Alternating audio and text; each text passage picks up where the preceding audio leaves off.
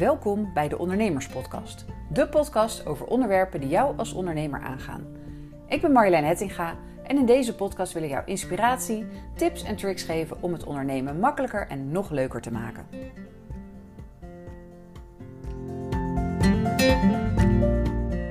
Hi, leuk dat je weer luistert. De aflevering van deze week heet Wanneer doe je iets gratis en wanneer vraag je de hoofdprijs?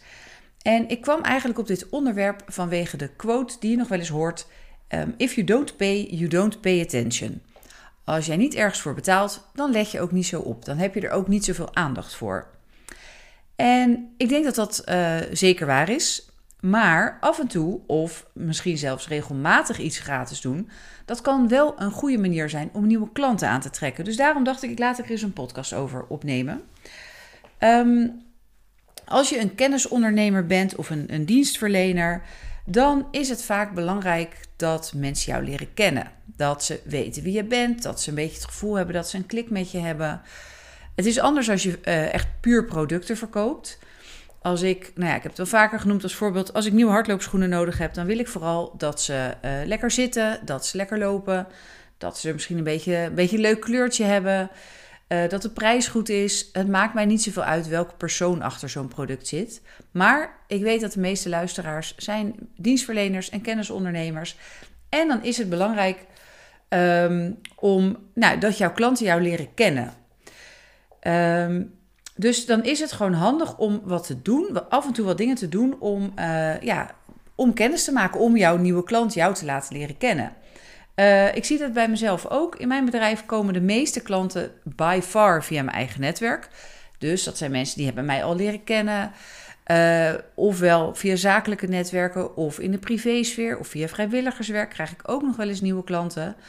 Um, maar degene die mij nog niet uh, en ook niet via via kennen, of ja, of wel of niet via via eigenlijk, maar degene die mij niet persoonlijk kennen, die hebben bijna allemaal eerst bijvoorbeeld een gratis weggever gedownload, zoals een e-book. Of um, die hebben meegedaan aan een gratis masterclass die ik regelmatig geef.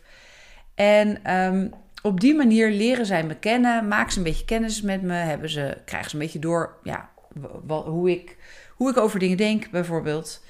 Um, en op die manier ja, ga je, begin je alvast met een band opbouwen. Ik heb het ook wel eens eerder in de podcast gehad over no, like, trust. Dat zijn eigenlijk de drie fases waar iemand doorheen gaat voordat die klant bij je komt. No, ze moeten je eerst leren kennen natuurlijk. Als ze je niet kennen, weten ze niet wat je te bieden hebt. En dan, nou ja, dan, dan worden ze geen klant, want ze kennen je gewoon niet. Uh, de like-fase is dat ze ja, het gevoel moeten hebben van dat jij degene bent die ze verder kan helpen. Dat jij degene bent waar ze naar op zoek zijn. En de trust-fase is eigenlijk de laatste en de belangrijkste van uh, wek jij genoeg vertrouwen uh, dat zij met jou in zee willen? Of um, hebben zij vertrouwen in de oplossing die je biedt? Dus die drie fases moet je eigenlijk door. En de eerste is, uh, dat kan, zo, kan zijn door gratis iets weg te geven. Gratis kennis te delen op social media. Uh, een gratis download te maken, bijvoorbeeld een e-book of een mini-training of een gratis uh, webinar te geven. Allemaal dat soort dingen kan je allemaal gratis weggeven. Want niemand gaat zomaar heel veel geld aan je uitgeven zonder dat ze het gevoel hebben dat jullie een klik hebben. Dus die eerste kennismaking moet er zijn.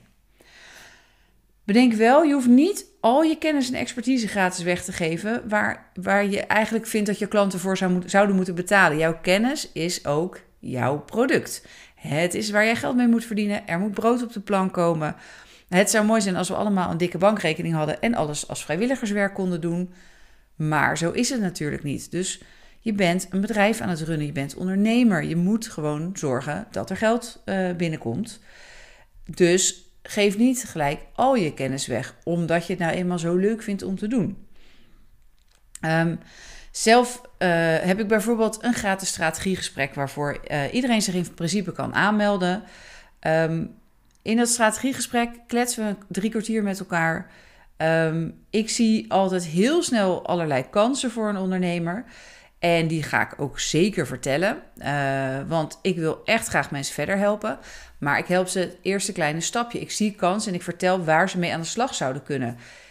Ik ga je niet gelijk helemaal vertellen hoe je dat moet oppakken. Ten eerste is daar de tijd tekort voor. Ten tweede, ja, dat is mijn product. Dat is wat ik verkoop. Dus als je uh, precies wil weten hoe je dat moet aanpakken, ja, dan moet je gewoon klant bij me worden en dan uh, gaan we daar lekker mee verder. Uh, dat is ook als ik een gratis masterclass geef. Ik geef best wel veel informatie weg, dat, dat, besef ik me ook. Ik, weet, ik heb ook regelmatig webinars gevolgd waarvan je na een uur denkt, nou, ik weet nog steeds niks. Um, maar wat ik je vooral in zo'n masterclass of in zo'n webinar laat zien, is welke stappen je moet nemen of welke stap je kan nemen. Maar ik kan niet na een uur je een compleet communicatieplan geven natuurlijk. In zo'n gratis weggever is het eigenlijk vooral de truc om te laten zien wat er mogelijk is als iemand met jou gaat werken. En die eerste ja, kleine stappen eigenlijk uh, ze in de goede richting te helpen. Want het is mooi als ze ermee aan de slag gaan. Um, dan weten ze, daar kunnen ze verder mee komen. Um, maar nou ja, als iemand echt met jou aan het werk wil, dan houdt dat gratis kennismakingstraject wel een beetje op. Want dan gaat dus gelden: if you don't pay, you don't pay attention. Dus al die leuke gratis weggevers, gratis trainingen, gratis masterclasses. Je weet gewoon hoe dat gaat. En als je ze zelf wel eens gevolgd hebt, dan herken je dat vast wel. Je hoort allerlei interessante dingen. Je denkt: hé, hey, daar kan ik wel wat mee. Oh, dat moet ik ook echt zelf gaan doen. Je leert ervan, absoluut. Hè? Je, wordt er nooit slechter van. Maar de volgende dag neemt de waan van de dag het weer over. En is het heel makkelijk om weer te verzanden in hoe je dingen altijd deed. Dus ook daadwerkelijk in de praktijk brengen van wat je geleerd hebt bij zo'n gratis iets. Dat gebeurt gewoon vaak niet. Als je niks betaalt, dan is er gewoon niet echt reden om op te letten. En want je verliest er niks mee. Daar gaat het denk ik eigenlijk om. Dus als je echt resultaat met en voor jouw klant wil bereiken, dan uh, ja, dan lukt dat meestal niet als je, alleen, als je dienst gratis aanbiedt. Hoe graag jij ook mensen zou willen helpen, hoe graag jij ze ook gratis zou willen helpen. Ik ben bang dat het resultaat vaak gewoon niet zo is uh, ja, zoals je verwacht had. Wat ook geldt is, if you pay a little, you pay a little attention.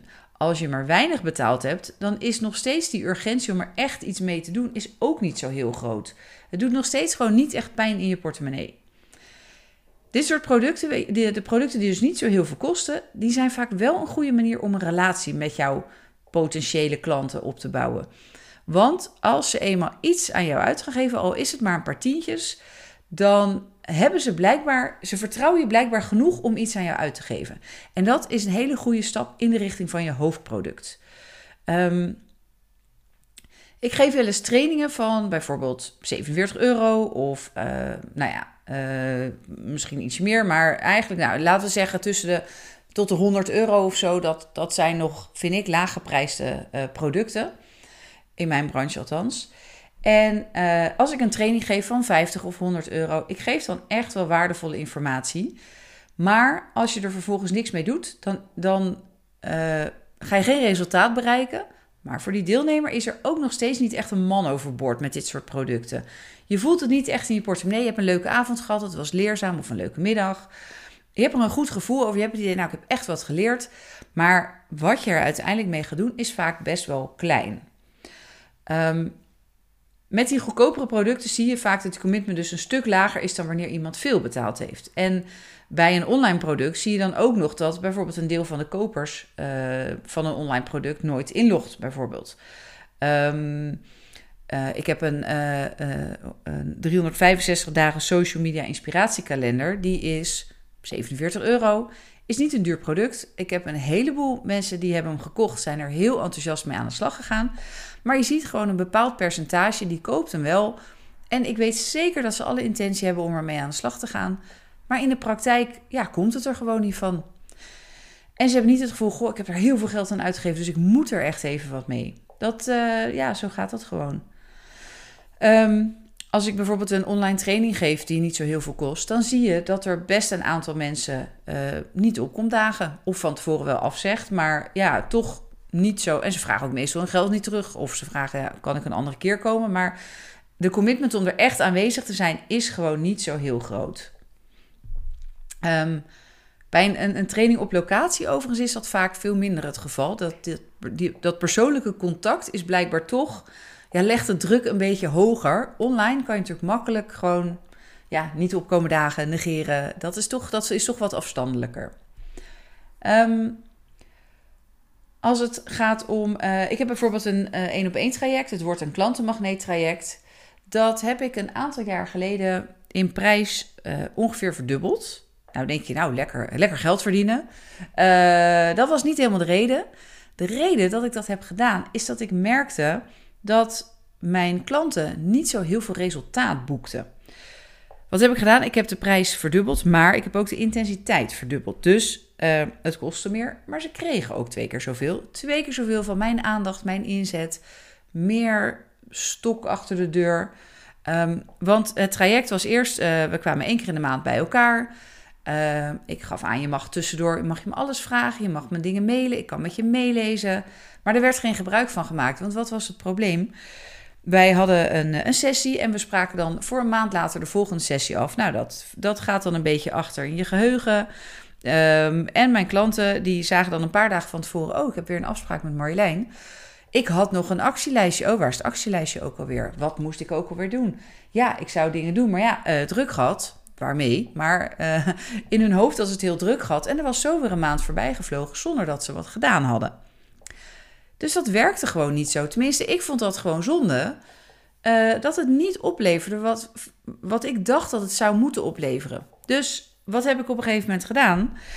Ik heb de intensiteit verhoogd naar één keer in de twee weken bij elkaar komen. Dus veel meer sessies in hetzelfde traject. Veel uh, hogere frequentie. Maar goed, daardoor moest ik natuurlijk.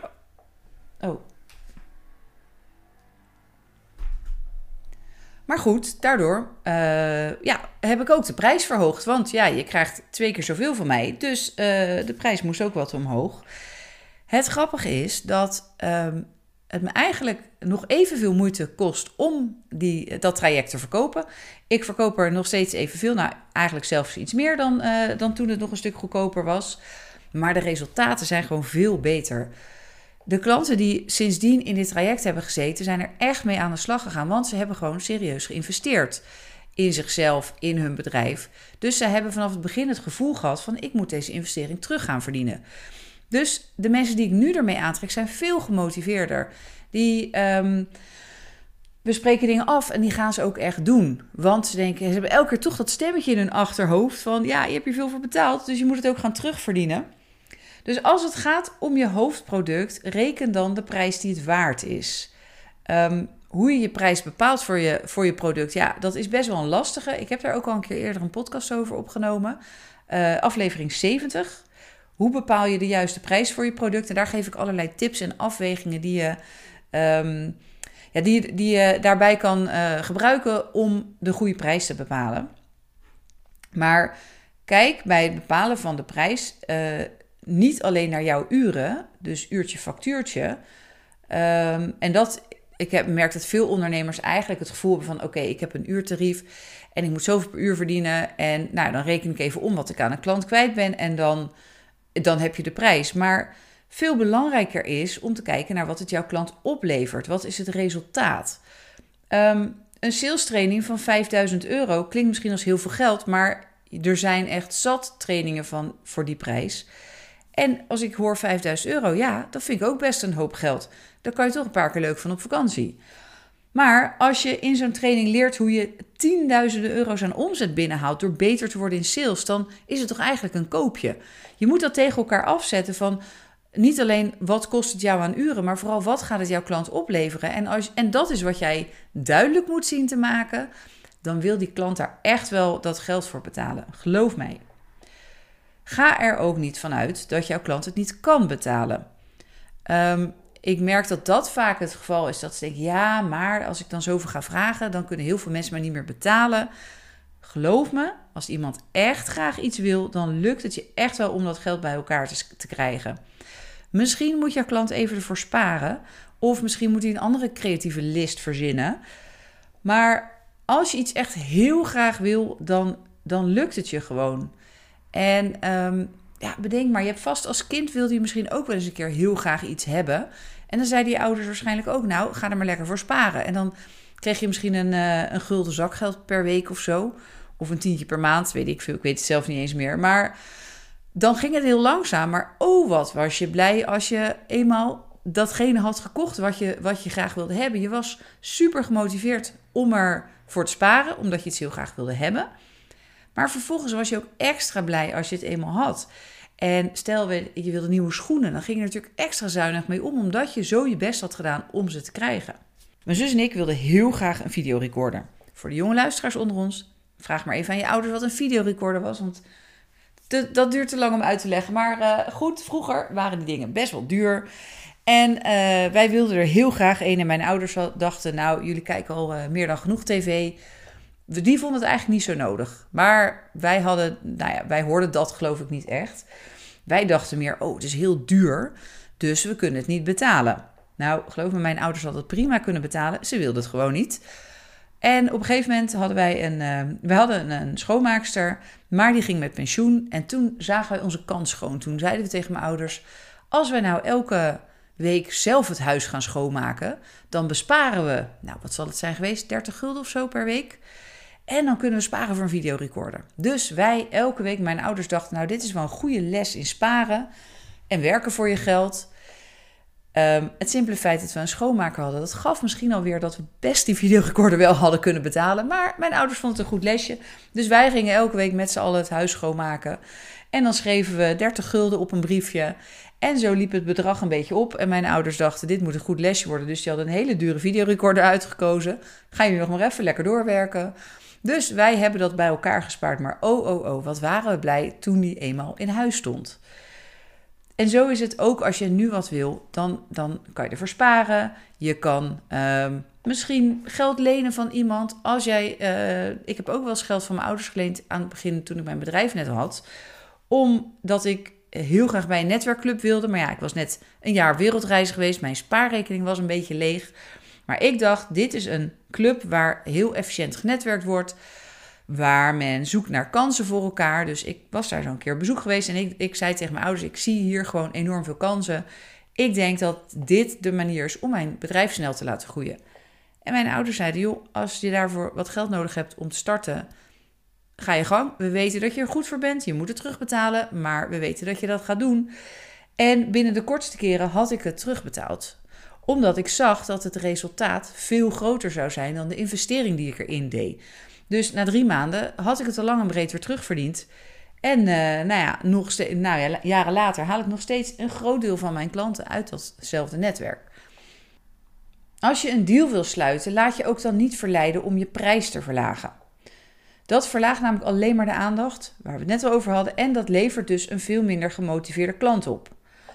Wat ik wel soms doe, is een korting geven als iemand in één keer betaalt.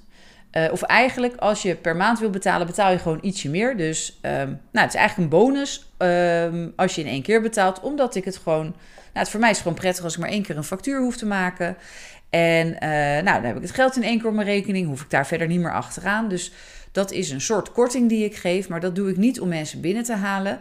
Dat bied ik eigenlijk pas aan op het moment als we gewoon erover hebben. En als mensen vragen, goh, wat kost het? Nou, dan ben ik daar heel open over.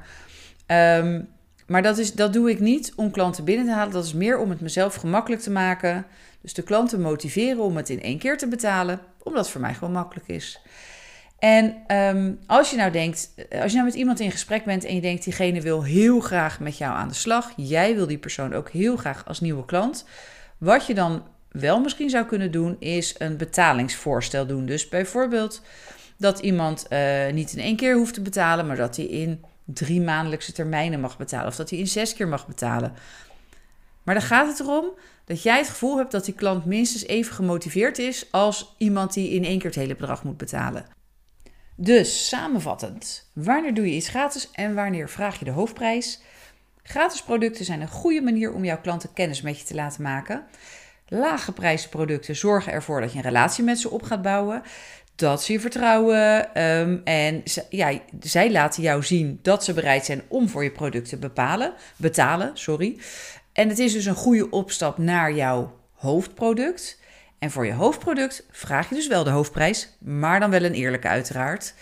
Um, nou ja, ik hoop dat ik je hiermee uh, weer wat uh, tips heb kunnen geven.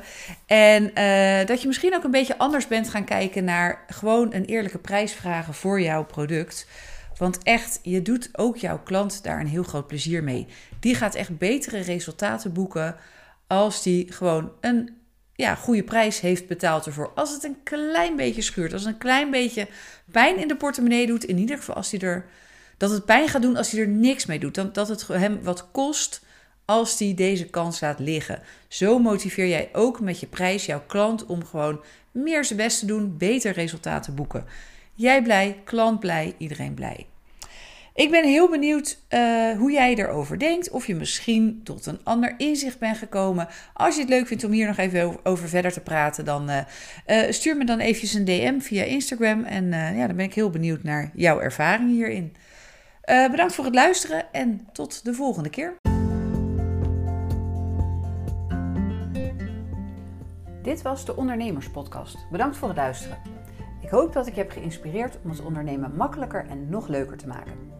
In dat geval zou je me een groot plezier doen als je een review wilt achterlaten. Zo kan de Ondernemerspodcast nog makkelijker gevonden worden. En vergeet niet je te abonneren, zodat je nooit meer een aflevering hoeft te missen.